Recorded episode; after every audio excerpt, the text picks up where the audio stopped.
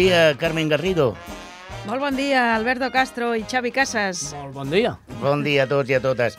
Això és... Eh, bueno, saludem també a Jordi Puig, que el tenim avui com a tècnic de cabecera d'aquest eh, programa pilot de l'Entretots. Un programa que no busca oients. Busca còmplices.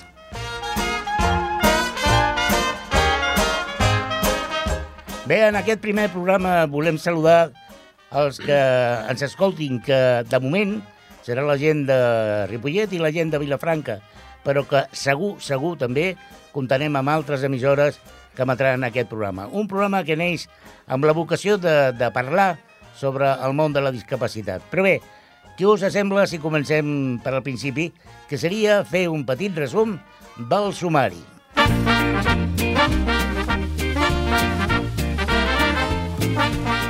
Bé, avui eh, tenim... Eh, quin sumari tenim, Carme? Doncs parlarem de, del transport i l'accessibilitat. Eh, acabem de passar fa uns dies la Setmana Europea del Transport i, per tant, tocarem amb aquest tema que en el nostre col·lectiu ens afecta d'una manera soberana. Una altra cosa que tindrem avui són entrevistes. Entrevistes amb diferents eh, persones que tenen molt a dir respecte al món de, de la discapacitat. Què més tenim, Carme? Doncs parlarem amb el company Eugeni Sánchez, eh, que ens farà la seva visió des d'una altra mirada eh, d'un tema també actual i que després tindrem ocasió d'escoltar-ho. De, també parlarem amb el company eh, Antoni Puparelli, que ens parlarà una miqueta de què, en què consistirà la seva eh, espai, el seu, la seva càpsula eh, sobre l'economia solidària. I també parlarem amb la tècnica i experta en accessibilitat. Mm, vam assistir plegats a la jornada del programa director de Plan de Mobilitat a nivell de, de Catalunya i ell serà la Montserrat eh, Garcia, que és eh, tècnica experta en accessibilitat de com. I també tindrem una secció fixa en aquest programa i és un recull de notícies de les xarxes socials. Una secció que es dirà Què diuen les xarxes? I moltes més coses com el Premis entre tots i coses més variades. Però què, si us sembla, si comencem el programa d'avui amb el tema del dia.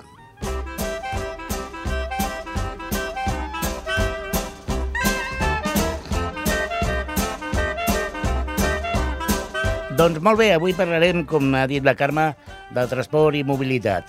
A veure, Carme, què, què ens dius de tot això? Perquè l'altre dia vam, vam ser-hi, entre tots, una associació de persones amb discapacitat i que fa els seus serveis eh, adreçats sobretot a persones amb discapacitat, doncs vam assistir-hi com a entitat, que per cert vam ser l'única, sí. que va assistir-hi a la presentació del Pla Director de Mobilitat. Quines, quines conclusions podríem treure d'això, Carme?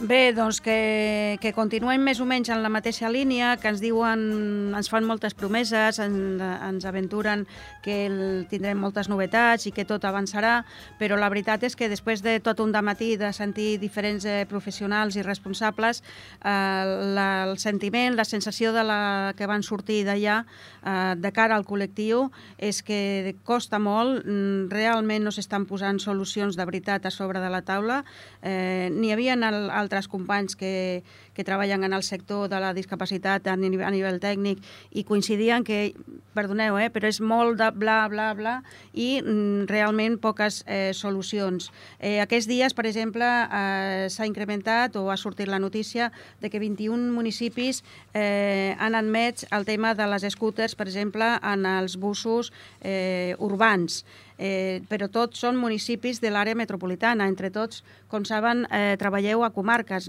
Barcelona només eh, té 12 comarques. Tenim molta dificultat en aquest sentit. Per tant, eh, és important tractar aquest tema i parlar molt i sovint.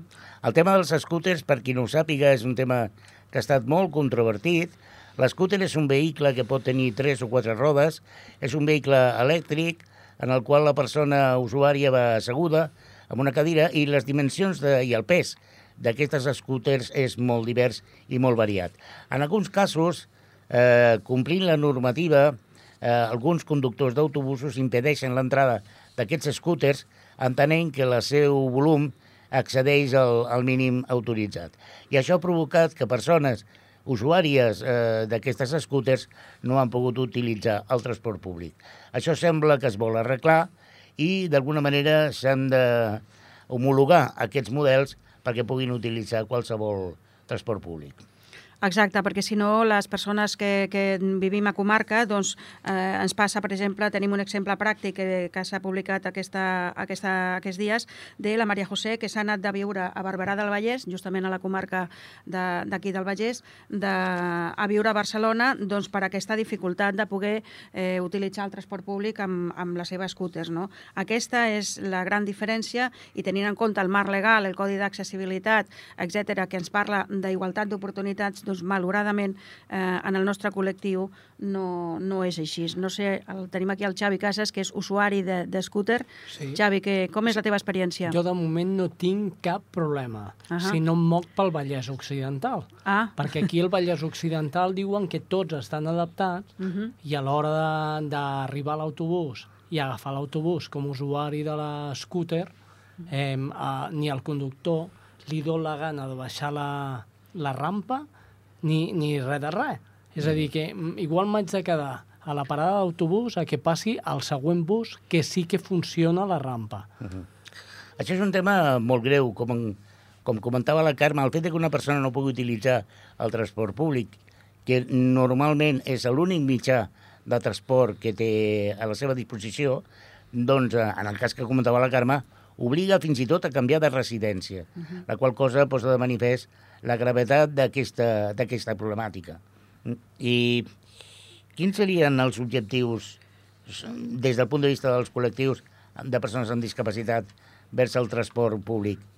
Carme, com ho veus? Doncs, bueno, el que estem fent, reivindicant molt, treballant molt, participant. Eh, hem, des, hem sigut eh, de les poques entitats que hem participat de manera activa i participativa al, en l'elaboració d'aquest pla director. Nosaltres, concretament, eh, diverses eh, companys eh, i jo mateixa vam participar, per exemple, a l'Alt Penedès de la jornada que es va fer a nivell territorial, especificant i explicant les, les dificultats eh, a nivell de territori, a peu de carrer, que, que ens ens trobem, no? I malauradament és un, és un, és un drama, perquè, perquè realment vivim un drama, no només a l'Alt Penedès, sinó al, al Vallès i en qualsevol altra comarca. Estem amb la segona corona de, de Barcelona i realment és, eh, és difícil eh, sortir i entrar dels nostres pobles i ciutats. Ens sentim presoners.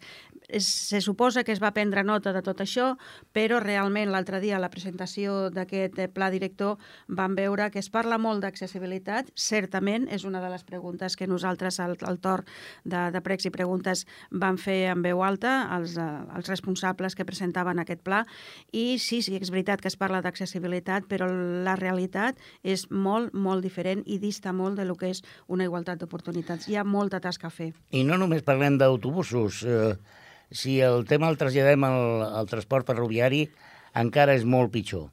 El transport ferroviari pràcticament és una quimera, és un esport de risc, diria jo. Eh, hi ha trens que estan adaptats, altres que no, estacions que tenen les andanes preparades, altres no, però en qualsevol cas el transport ferroviari encara no és una garantia per a les persones amb mobilitat reduïda. Mm. I això és cert. I un altre tema que també és molt preocupant, sobretot a la nostra comarca, a la del Vallès Occidental, és el taxi. Cada vegada hi ha menys taxis adaptats a disposició de les persones que ho sol·licitin i això és un veritable problema. En aquests moments, eh, a la localitat de Ripollet, no tenim cap taxi adaptat, a Cerdanyola no hi ha cap taxi adaptat i hem de, eh, d'alguna manera, doncs, eh, recórrer a Sabadell, amb, que has de notificar en 48 hores d'antelació, amb un eh, temps d'espera llarg i amb un cost, òbviament, inassumible. Això també ho hauríem d'arreglar, no? Exacte. Ara s'ha unificat, per exemple, a l'Alt Penedès, tota l'àrea, la, la, la Gran Vegueria, i s'ha unificat juntament al Baix Llobregat per la utilització del taxi, però malauradament el taxi adaptat no es té en compte i en aquest sentit el cost per la persona és mm, una barbaritat. Pagar 130 euros per recórrer 20 quilòmetres en taxi eh, és un cost que una persona amb una discapacitat, tot i que sigui eh, laboralment actiu i tingui un sou, eh, és inassumible. Per tant, és una reivindicació que des d'aquí, per això ho parlem en el primer dia, coincidint amb aquesta setmana de transport i mobilitat, la Setmana Europea, perquè realment hem de fer sentir la veu del col·lectiu. És un tema greu, és un tema important, perquè No podem parlar, com deia la Carme, d'inserció laboral si no tenim accés al lloc de treball. Exacte. I quan parlo d'accés, parlo d'una cosa tan senzilla com arribar des de casa teva fins al punt de treball. I, evidentment, no podem tampoc oblidar el tema de l'oci. No podem tenir una vida normalitzada e inclusiva si no tenim un transport que garantitzi que estarem presents en aquests espais. Bé, doncs, eh, ara eh, trucarem a, a Montse, una persona que m'agradaria que la presentessis tu. Sí, la Montse García és tècnica experta en accessibilitat, treballa a ICOM, és la responsable d'aquesta àrea. Eh, precisament la setmana passada, fa uns dies, vam poder participar en un taller justament de transport i mobilitat en el que es va posar de manifest totes aquestes mancances que acabem d'explicar. Però ella, com a experta, eh, ens podrà atendre i ens contestarà diverses qüestions des de la seva òptica professional. I tenim a l'altre costat del telèfon a la Montse García. Montse, bon dia. Hola, bon dia. Gràcies per eh, atendre la trucada d'entre tots. Eh, bé, eh, tinc entès que ets eh, tècnica experta en accessibilitat de com, sí? Uh, bueno, lo d'experta no m'agrada gaire, però sí, soc la, la persona de la Junta que porta tot el tema d'accessibilitat, sí. Escolta, ens podries explicar breument què és ICOM? ECOM és una federació, vale? és un moviment associatiu que aglutina unes 130 entitats de persones amb discapacitat física a Catalunya i bàsicament la missió és la defensa de drets no? i la qualitat de, de vida de les persones amb, amb discapacitat i també doncs, per una altra banda no? com a federació doncs, donar suport a tota la xarxa d'entitats eh, federades no? doncs, per millorar també la seva incidència. Molt bon dia, Montse. Hola, Carme. Hola, Carme, què tal? Bé, moltes gràcies per acollir i rebre aquesta trucada i atendre i participar en el programa Entre Tots. No, a vosaltres, gràcies a vosaltres. Molt bé, doncs, eh, Montse, l'altre dia vam poder compartir amb tu el taller jornada de, de transport i mobilitat. En quina sí. situació ens trobem el, actualment en, aquesta, en el transport? Tot tipus de, de transport. Sí, sí, amb el tema de, de transport i el que té a veure amb el tema de mobilitat, uh -huh. sí que és cert que s'ha anat avançant, però jo crec que cal dir no, que amb una marcada desigualtat territorial, no? uh -huh. que és una cosa que també van comentar, no? sí. que, que sí que s'han fet coses, no? però sí que no és el mateix Barcelona ciutat, no? que hi ha l'àrea metropolitana i hi ha tota, no? els municipis que queden fora de l'àrea metropolitana uh -huh. i la resta de províncies. No? Aquí sí que jo crec que és un dels grans reptes, no? que realment totes les inversions i les millores que es facin es facin independentment del, del territori, no? tenint en compte també la, les especificitats. No? Eh, tot això, com comentava, els avenços són, són lents, no? moltes vegades no tenen compte, sí. en compte la, mm. la cadena d'accessibilitat, no? tot sí. el que és el tema del manteniment de, dels elements i, i, i de més, no? Sí. I, i, bueno, i a vegades també sorgeixen doncs, noves dificultats, no? com el dels gaps invertits, que comentaven també de, del tren i que diria que alguna part de, de Vilafranca també és, és un exemple, no? que el GAP queda dintre de, sí. de, del tren. Correcte, sí. I al mateix temps també jo crec que tenim noves oportunitats, no? com a transport públic a, a la demanda, no? que per, per zones més rurals, no? amb baixa densitat de, de població, uh -huh. doncs si aconseguim que tot plegat sigui accessible, perquè també s'haurien de revisar aquestes concessions de 20-30 anys, no? Sí. Eh, que, que tenim, doncs seria un gran èxit, no? un gran avenç no? de, de fer arribar doncs, aquest tipus de, de transport públic accessible a zones que abans potser ni tenien transport públic. Exacte. Montse, eh, donat que vosaltres doneu suport a, a diferents entitats, quines són les directrius que dona com a les entitats associades? A veure, més que directrius, jo crec que també, com comentava abans, no? potser també és, és ja pensar no? què, què podem fer junts i com. No? És a dir, jo crec que no hi ha fórmules màgiques, per tant, directrius no, no, no es poden donar mai, no? perquè també cada, cada municipi, cada entitat és un món, no? però sí que hi ha unes reflexions i uns aprenentatges no? de què ens està funcionant, què no i per què, uh -huh. i aquí jo crec que sí que és la manera de com poder treballar eh, conjuntament, no? tenint en compte aquests diferents nivells, no? també com a part de federativa, més a nivell de Generalitat, no? i aquí les entitats d'acció local, com entre tots, també tenen un paper absolutament fonamental, no? amb tot el que és el desenvolupament de, de, de, peu, de a peu de carrer. No? Per tant, eh, sí que sabem no, que hi ha coses que són claus, no, com coses que ja han comentat al taller, que és que el tema de la mobilitat eh, no s'ha de treballar a serveis socials. Jo crec que aquí hem de donar el gran pas endavant, no? Molt eh, que és humanitzar, sí, sí. humanitzar la mobilitat, uh -huh. no? en general, i aquí incloure també tota la part de, de eh, però al lloc on, on toca. No? Jo crec que aquest, mm. aquesta ha sigut com la, de les grans reflexions, i, i no directrius, però sí consells, no? sí. de dir, dir cap a on podem anar, no? i el fet també d'enxarxar-nos amb, amb altres entitats a dintre i fora de la discapacitat. No? Realment el tema de transport públic i la mobilitat és una cosa que ens afecta a totes les persones i per tant aquí és trobar punts en comú a l'hora també de poder fer pressió no? i, i coordinar-nos millor a diferents, als diferents nivells. Exacte, és un tema que nosaltres des d'entre tots ho treballem molt, no? la transversabilitat de la, de la discapacitat i no estrictament a, a serveis socials. Exacte. El, Montse, mm, nosaltres que, que estem a les trinxeres, diem nosaltres moltes vegades, que estem sí. a, a peu de carrer al territori, eh, parlem molt amb els usuaris, amb els afectats, sí. i estan molt cansats. Què els hi podem dir? Què, què han de fer?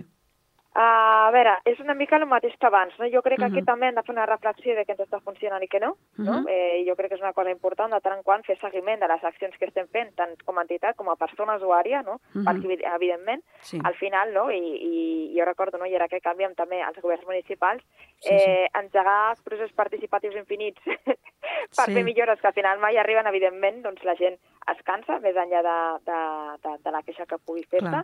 Jo crec que és molt important eh, que també també aquí les entitats eh, ens capacitem com a entitats i capacitem la resta de les persones no? i les empoderem per fer uh -huh. les queixes on toca, uh -huh. eh, perquè realment a vegades també després, si no hi ha constància de, dels casos que a vegades acompanyem, és com si no haguessin existit i per tant perdem eh, força i també evidentment doncs, que s'enxarxi, és a dir, eh, no, el contacte amb, la, amb les entitats de base, no, amb la resta d'entitats de, que hi pugui haver al territori, les entitats veïnals, no, defensa de transport, Eh, jo crec que sobretot és tenir en compte que aquest esperit, que també, també ens han venut no, la gent del col·lectiu de, de ser com, com Quijotes, no? que ja, sembla que puguis sí, lluitar. Sí. Molt exigents a vegades ens diuen, no? Sí. Exacte, no? Sí. Eh, jo crec que també a vegades l'hem de, bueno, de replantejar, no? perquè Clar. en general l'activisme és molt dur, ja ho sabeu vosaltres també, sí, no? I, tant, i, tant. I per tant, com més xarxa fem, eh, sí. millor, no? però sobretot el, el fet de, de, de prioritzar no? i fer les queixes i denúncies on toquen, perquè també tenim constància que és eh, com es fan efectives. No? Practicar la corresponsabilitat, no? que tots són ah, corresponsables, no? I, que el, exacte, i, no? i tenir consciència que no, que no estem demanant ajuda, sinó que és un dret i, per tant, demanem justícia. No? Exacte, que és una qüestió de drets. Jo crec que això és una cosa fonamental, no? Uh -huh. I també el, el, el fet de ser conscients que les coses avancen sí. eh, si hi ha eh, accions coordinades als tres nivells, no? des d'una persona usuària, des d'una entitat de base, des d'una federació i una confederació. Mm. Eh, és a dir, aquí totes les parts són corresponsables, és mm. a dir, una associació està formada per persones també, moltes vegades, Correcte, sí, que dediquen el seu temps voluntàriament a avançar, sí, no? Sí. Llavors, Uh, jo crec que aquí tampoc no hem de tenir aquesta actitud de resolmo, uh mhm. -huh. sinó de dir, ostres, eh, com he comentat abans, no? què podem fer junts per realment resoldre la situació i per generar avenços que també són millores col·lectives. Exacte. Montse, a nivell d'entitats, eh, tenim responsabilitats, però eh, prioritza'ns mm, alguna. Eh, home, més que prioritzar alguna, que també depèn de la, del perfil de l'entitat, però uh mhm. -huh. jo crec que sobretot és un tema d'acció de, de defensa de drets. Uh -huh. És a dir, el que comentava, no? el, el tema que, que estem posant damunt de la taula, no? de, de fer tallers de, de defensa de drets, eh, acompanyat a tothom no? Sí. amb aquest canvi de xip, de presa de consciència de uh -huh. que mhm. no estem demanant caritat, no? Uh -huh. que estem exigint drets, no? jo crec que aquest és el pas 1 importantíssim. És clau, és clau, sí, sí. No? Perquè si no, uh -huh. l'entitat podem fer el que sigui, però si no tenim una base social mobilitzada, no? a l'hora la veritat eh, també doncs, no, no aconseguirem gaire cosa. I, i també això, no? aquest tema de, de, de treballar conjuntament amb les entitats de la territori, amb les federacions, eh, bueno, on qui realment estiguin compartint full de ruta. I amb, la, i amb les institucions, no? Perquè eh, cada ajuntament hauria de tenir un pla d'accessibilitat municipal, no? Sí, sí, exacte. Sí, sí. Perdó, perdó. Encara perdó. que... Se m'ha escapat sí. el riure. Sí, tot i això, la veritat és que mira, jo crec que també és una de les grans reflexions de si realment han funcionat o no, perquè tenir un pla d'accessibilitat al calaix eh, sí. bàsicament no serveix per res. No serveix per res, clar.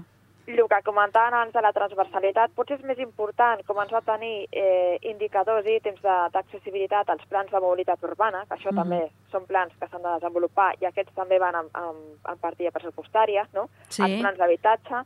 És a dir, eh, que potser la cosa no és només demanar que tingui un pla d'accessibilitat, que al final seria desenvolupar no? Mm -hmm. el, que, el que estic clar, comentant, clar. sinó de dir, mm, bueno... Com de tenir un compte en totes les àrees, oi? Exacte, no? Uh -huh. Els pressupostos anuals, de quines actuacions ens faran a la via pública, no com les uh -huh. podem millorar, no? perquè si no els ajuntaments eh, que trobes també en plan de ui, ui, ui, ui, és que això són molts diners, bueno, doncs comencem, no? Clar. Comencem a prioritzar, Incluïm. però comencem no? a fer coses, perquè si no, mm, això dels plans, eh, molts s'han fet, però mai s'han executat. Exacte. Molt bé. Doncs, eh, Montse Garcia, tot i que no li agrada el terme d'experta, jo crec que ha quedat clar que el tema entén i molt, és tècnica d'accessibilitat de la Federació Com. Eh, Montse, moltíssimes gràcies. A vosaltres. I com tu has dit, eh, no fa gaire hem de començar a treballar i que sàpigues que et tornarem a trucar repetidament en tot aquell tema que ens puguis donar una mica de llum i la teva visió. Vale, eh, moltíssimes gràcies. Que sàpigues que aquest programa és teu també i que, com diu el nostre eslògan, no volem oients, volem col·laboradors, volem còmplices i tu eh, ets un del nostre equip. Moltíssimes gràcies, Montse. A vosaltres, una abraçada. Gràcies, bon dia. Una niña triste en el espejo me mira prudente y no quiere hablar. Un monstruo gris en la cocina que lo rompe todo, que no para de gritar. Tengo una mano en el cuello que con sutileza me impide respirar. Una venda me tapa los ojos, puedo leer el miedo y se acerca. Las cuerdas que ensucian mi voz al cantar. Tengo una culpa que me aprieta, se posa en mis hombros y me cuesta andar. Pero dibujé una puerta violeta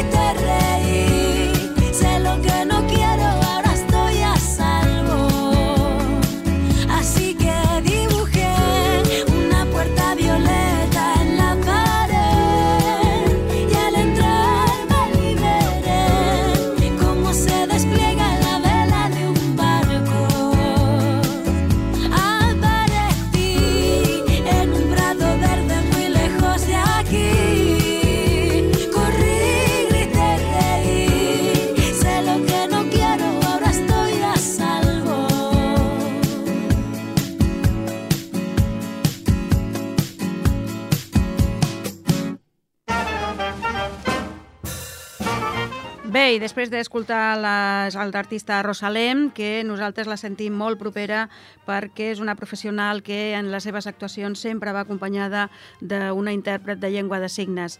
Per tant, aquesta porta violeta que també ens sentim, sobretot les, les dones, molt properes amb, ell, amb ella, perquè la discapacitat i dona és una doble discriminació. Seguim amb el programa.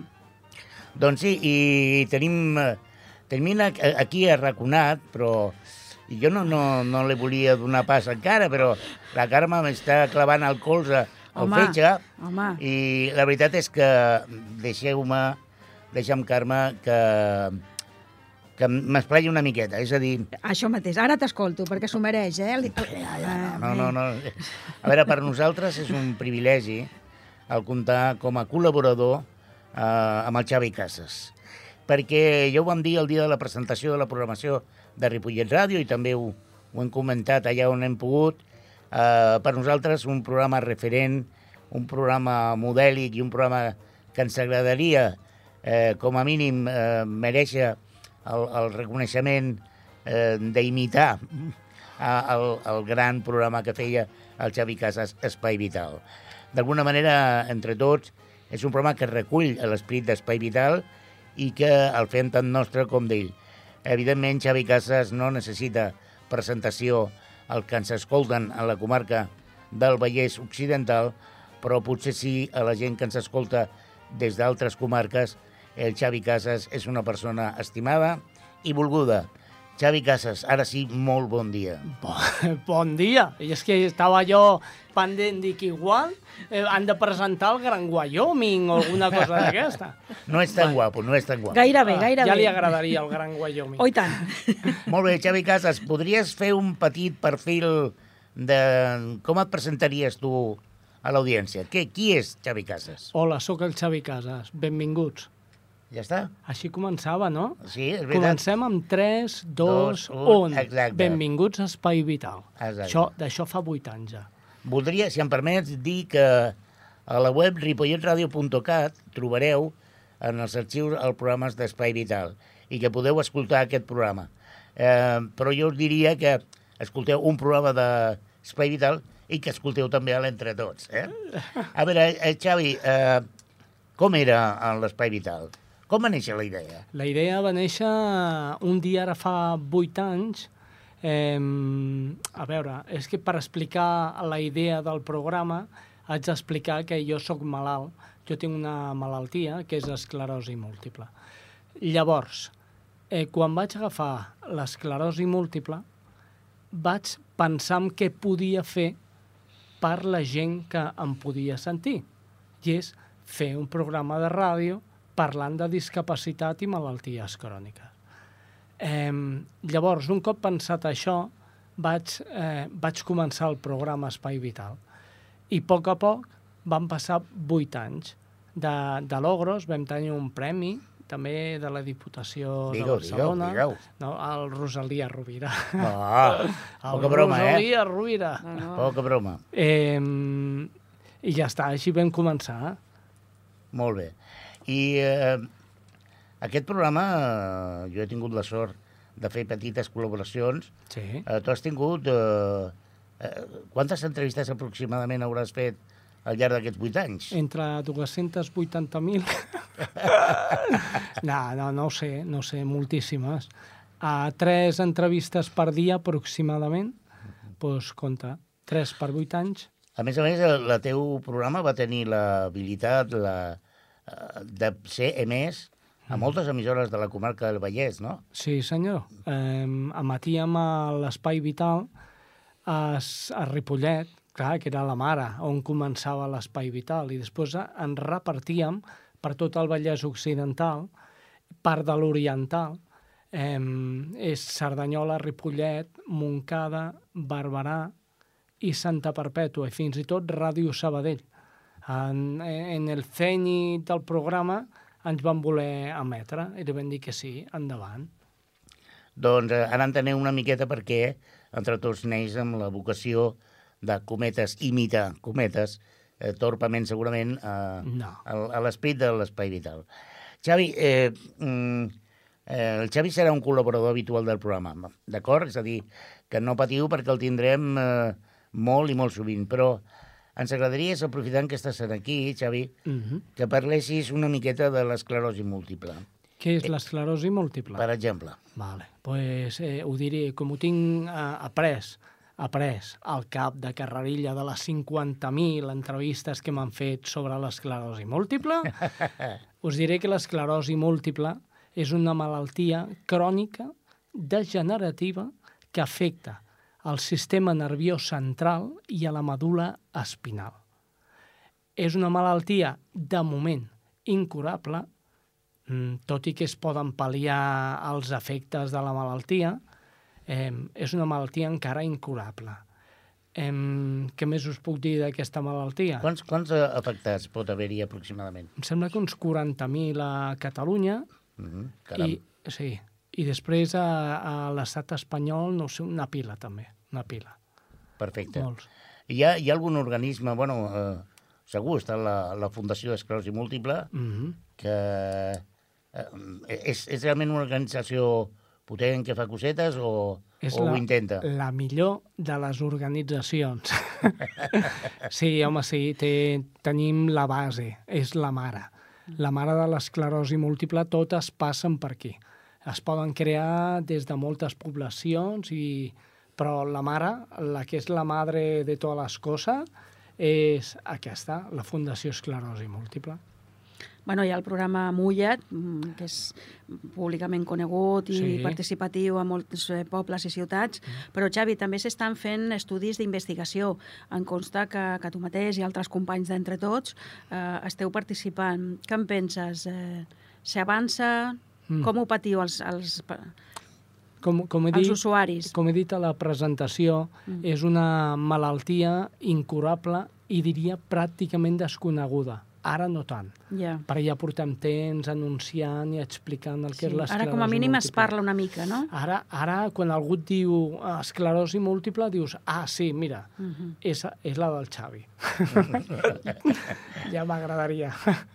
Bé, eh, perdona, em preguntaves? No, sí, eh, em consta que s'estan fent diferents estudis d'investigació. Sí. Em sembla que al Vall d'Hebron i algun mm. altre centre mèdic. Eh, com funciona? Què us demanen els pacients? A veure... Perquè em consta que col·laboreu. Sí, home, al 100%. Clar. Eh, a Cerdanyola jo vaig estar muntant durant un temps, ara ja no puc, però, però fins fa poc eh, el mulla per l'esclerosi múltiple, que té mm. dos sentits. Mm -hmm. El mulla per l'esclerosi múltiple era o tirar-se a la piscina i fer tants metres possibles mm -hmm. o mullar-se amb el sentit que té la paraula. Clar, Mojate. Implícate. Implícate uh -huh. con l'esclerosi múltiple. Clar. Eh, venia material de marxandatge de la Fundació eh, samarretes, eh, gorros, sí. ulleres, anava a dir bufandes, però no n'hi no havia de Perquè no. era l'estiu, clar. Eh, eh, diferents, diferent material de marxandatge mhm. -huh. per nodrir a la Fundació Esclerosi Múltiple, entenent-se per nodrir, eh, recaptar fons per ajudar als malalts d'esclerosi múltiple. Sí. I quina manera és la de mm, els malalts d'esclerosi múltiple? Doncs de fa uns anys, quasi bé des del començament de, de la malaltia meva, em vaig implicar molt en un centre especial d'esclerosi múltiple, que és el CEMCAT. CEMCAT, les sigles són Centre d'Esclerosi Múltiple de Catalunya. Llavors, és un edifici que hi ha a la zona nord de, de l'Hospital de la Vall d'Hebron, val? que està on Déu va perdre l'espardenya a dalt de tot. Per allà, per allà dalt, per allà dalt. A dalt, que ningú veu, ningú veu, sí. fins que arribes. Doncs vam ajudar a construir, a finançar a, aquest centre eh, i avui en dia està ple funcionament.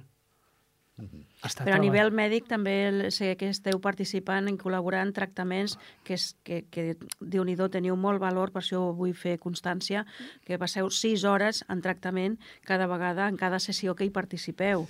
I això diu molt de vosaltres perquè poseu, no sé si en risc o no, però contribuïu amb la vostra participació activa a nivell personal doncs amb aquest tractament sense saber si funcionarà. Però, no sé, tinc companys, tinc una companya de Vilafranca que, que diu millor a mi no m'ajuda la mm. meva esclerosi, però si puc ajudar amb un altre que vinguin després, ja ho dono per bo, no? Mm. I això diu molt a, a favor vostre. Bé, de fet, eh, la persona que va al Centre d'Esclerosi Múltiple de Catalunya, el CEMCAT, eh, va per millorar.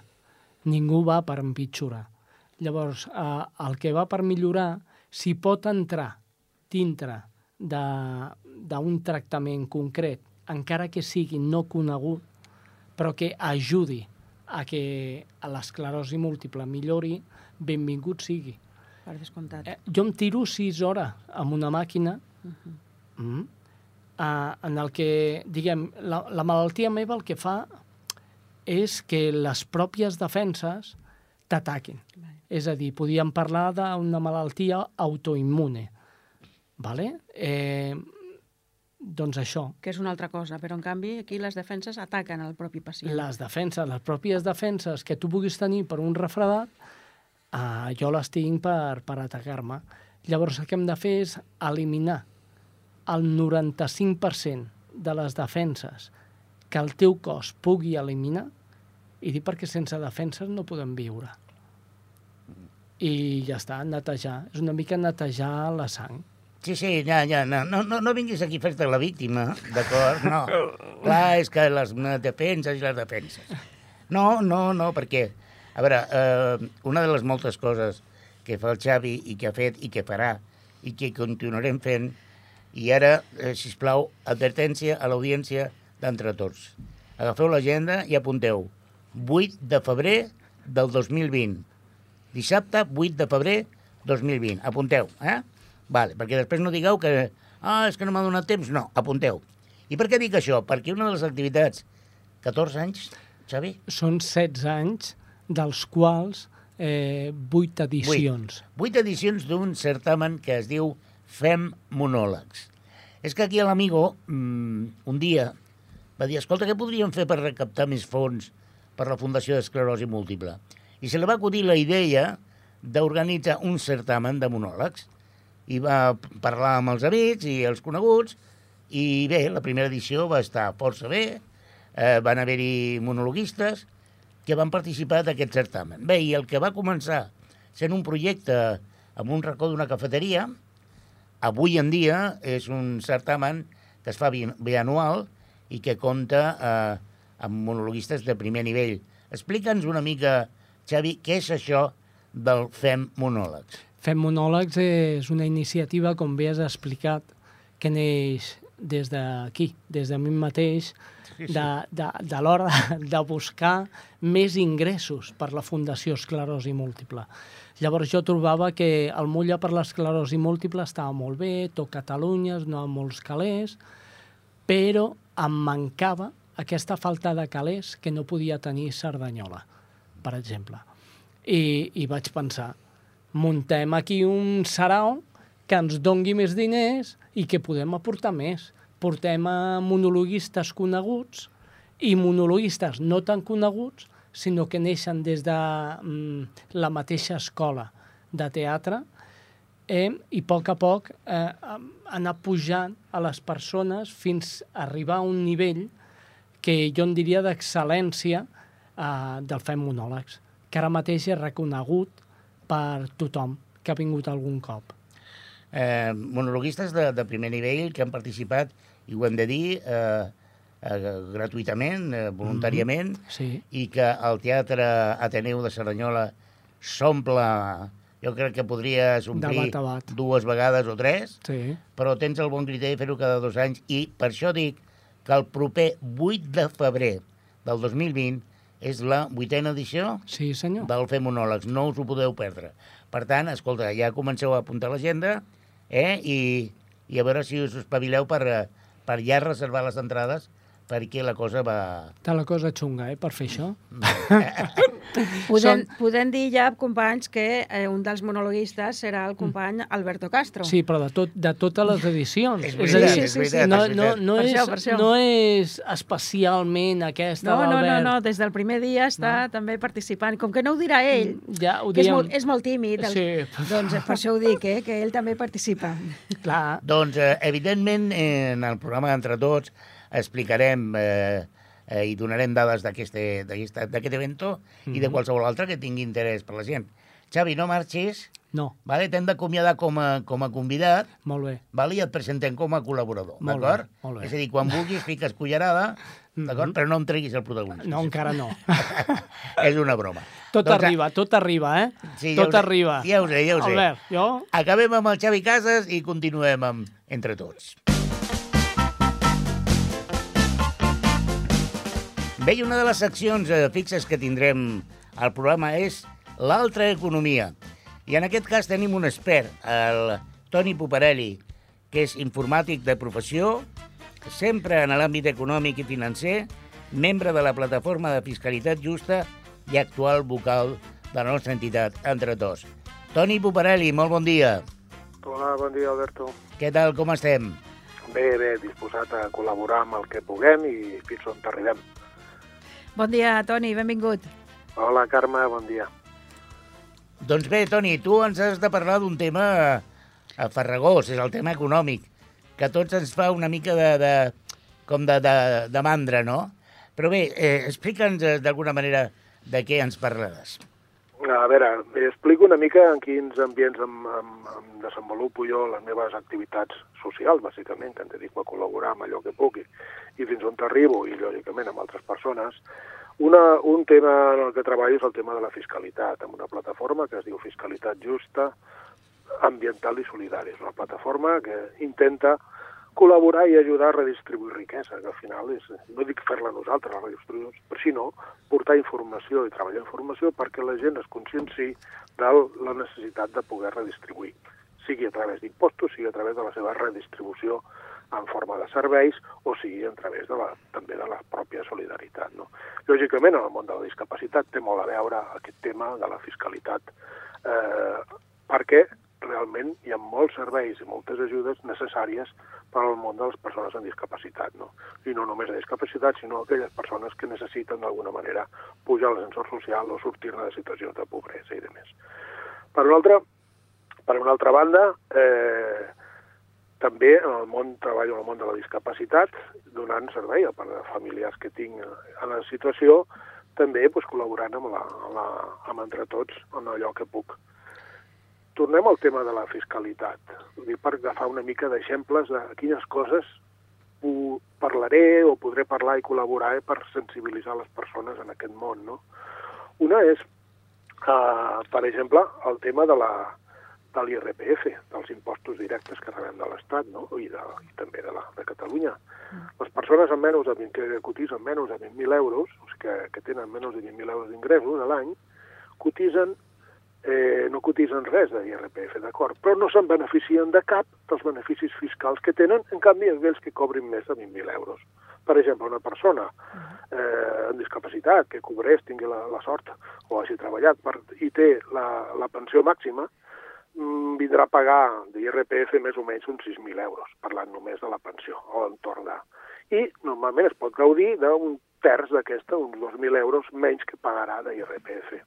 No. En canvi, una persona que no té ni la sort de tenir aquests ingressos, que no arriba a 20.000 euros, mm. no tindrà cap deducció més enllà de lo que pues, la solidaritat o uh, ajudes socials o públiques puguin fer-li arribar d'una altra manera però no directament en el món directament de l'IRPF. No? I això ens porta a, una, a un debat que es parla que és la predistribució, no? que és ajudar a aquestes persones perquè no tinguin que viure després d'ajudes socials o sigui, ajudar en la forma d'un IRPF negatiu, podríem parlar, no? Que això també és un debat, és un tema que s'està parlant. Un altre tema que ja hi treballem dintre del món de la fiscalitat i que jo parlaré serà el món de les eh, beneficis fiscals, si estan ben calculats, ben determinats, si són molts, són pocs, qui se'n beneficia més, coses d'aquestes. També en el món de la, i, bé, he fet un estudi sobre el tema, el món de de la, del món cooperatiu, que en el món de les persones amb discapacitat és molt important. Les cooperatives són molt de centres especials de treball, de, de programes i, i cooperatives que funcionen molt amb, amb integració de persones amb discapacitat, les ajudes que reben i la fiscalitat d'això, o sigui, com es distribueixen, com es determinen, com es controlen aquestes ajudes, no està ben definit. I per què un 20% del sou, un 50% de les persones integrades, o i no un 30%, o no un 80%, no? Per exemple, no hi ha estudis que determinin, ni es fa a priori, ni es fa després un control o seguiment, o de les ajudes estatals que tinguin les empreses per, per integrar persones, no?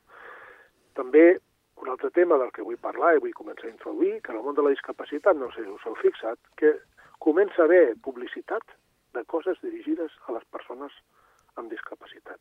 Fixeu-vos, roba, equipaments, i en el moment que un envia correus o envia o entra en algun foro, després li comença a aparèixer publicitat del món d'aquest tema. Això vol dir que hi ha un interès econòmic en aquest sector. S'està focalitzant aquest nitxo, aquest, aquest niu de, de, de mercat, i que penso que també hem de fer una lectura del món de la discapacitat com una oportunitat, sigui per participar-hi, lògicament, com a dels empresaris, a persones que busquen la manera de, o sigui bé també com a consumidors i com a optants a aquestes, a aquestes coses. No?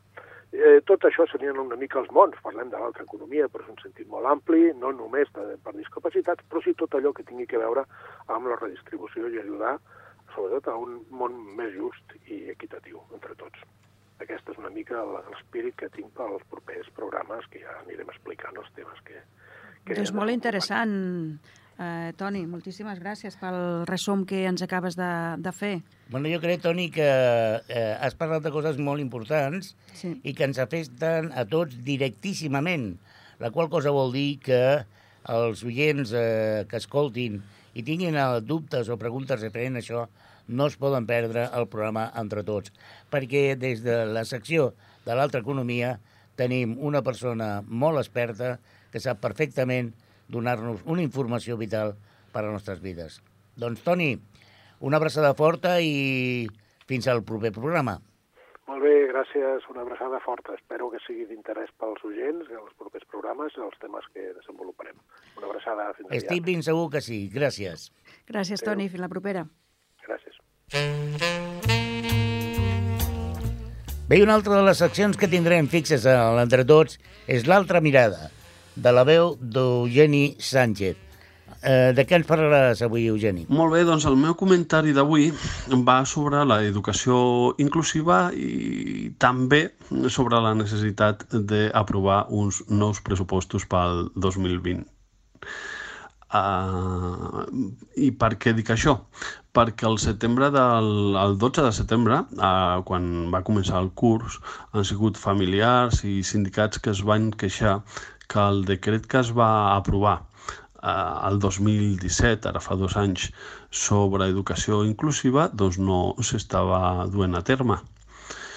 I no s'estava duent a terme perquè portem uns pressupostos prorrogats d'ara eh, fa dos anys, del 2017, com, com diem, i què passa? Doncs que la memòria econòmica que acompanyava aquest decret no s'estava podent executar.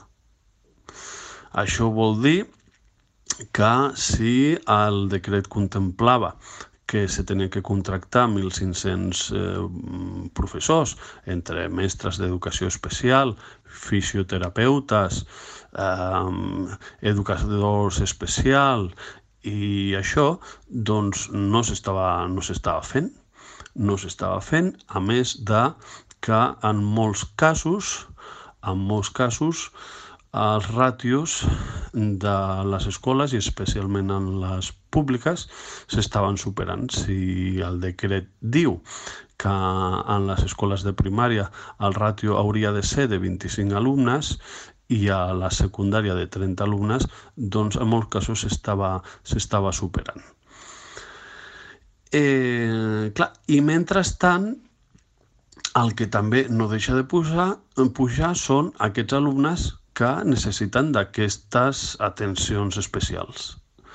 Si a Catalunya fa tres anys n'hi havien 7.709 alumnes que necessitaven aquesta educació especial, com dient, al darrer curs n'hi havien 8.803. Per tant, què diuen els sindicats? Què diuen les AMPAs, les associacions de pares? Doncs que ara mateix la realitat és que tenim una escola amb, amb, amb més ràtio, que ara fa 3 anys, tenim una escola també més diversa. Si el que volem és una educació de veritat inclusiva, per fer-hi des de baix una uh, societat més equitativa, doncs necessita unes escoles amb menys ràtios i, en, òbviament, amb més personal eh, especialitzat.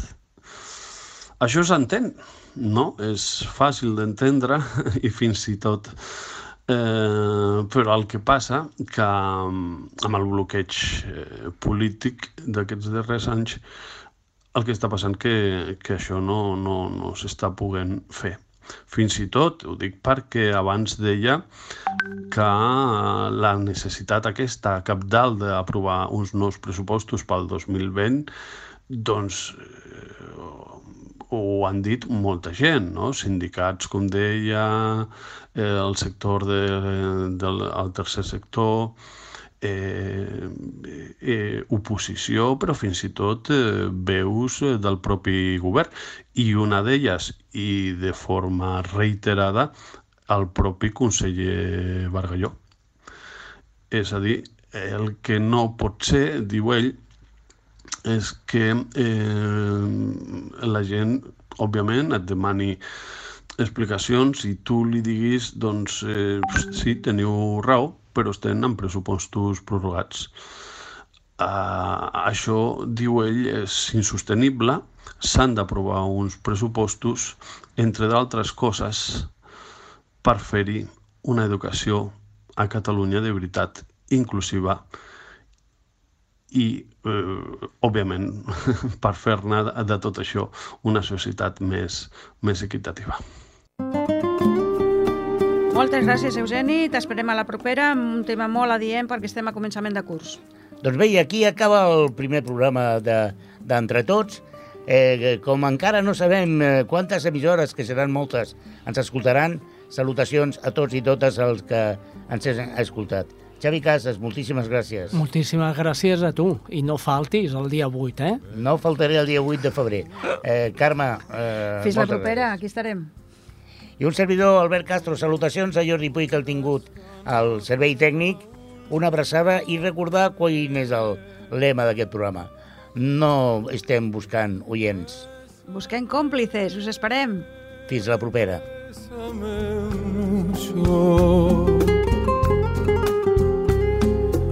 Que tengo miedo a perderte, perderte después. Bésame, bésame mucho, como si fuera esta noche la última vez.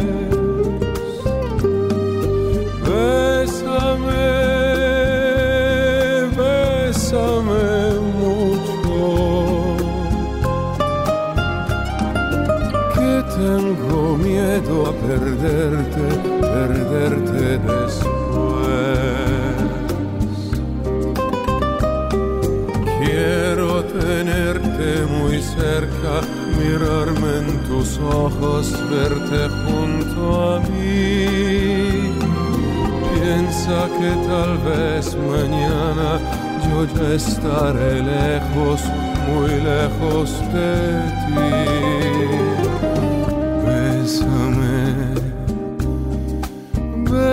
quererme mucho.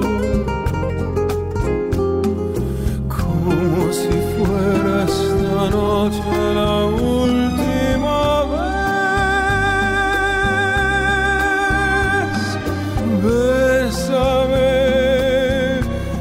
bésame mucho. Que tengo miedo a perderte. Perderte después.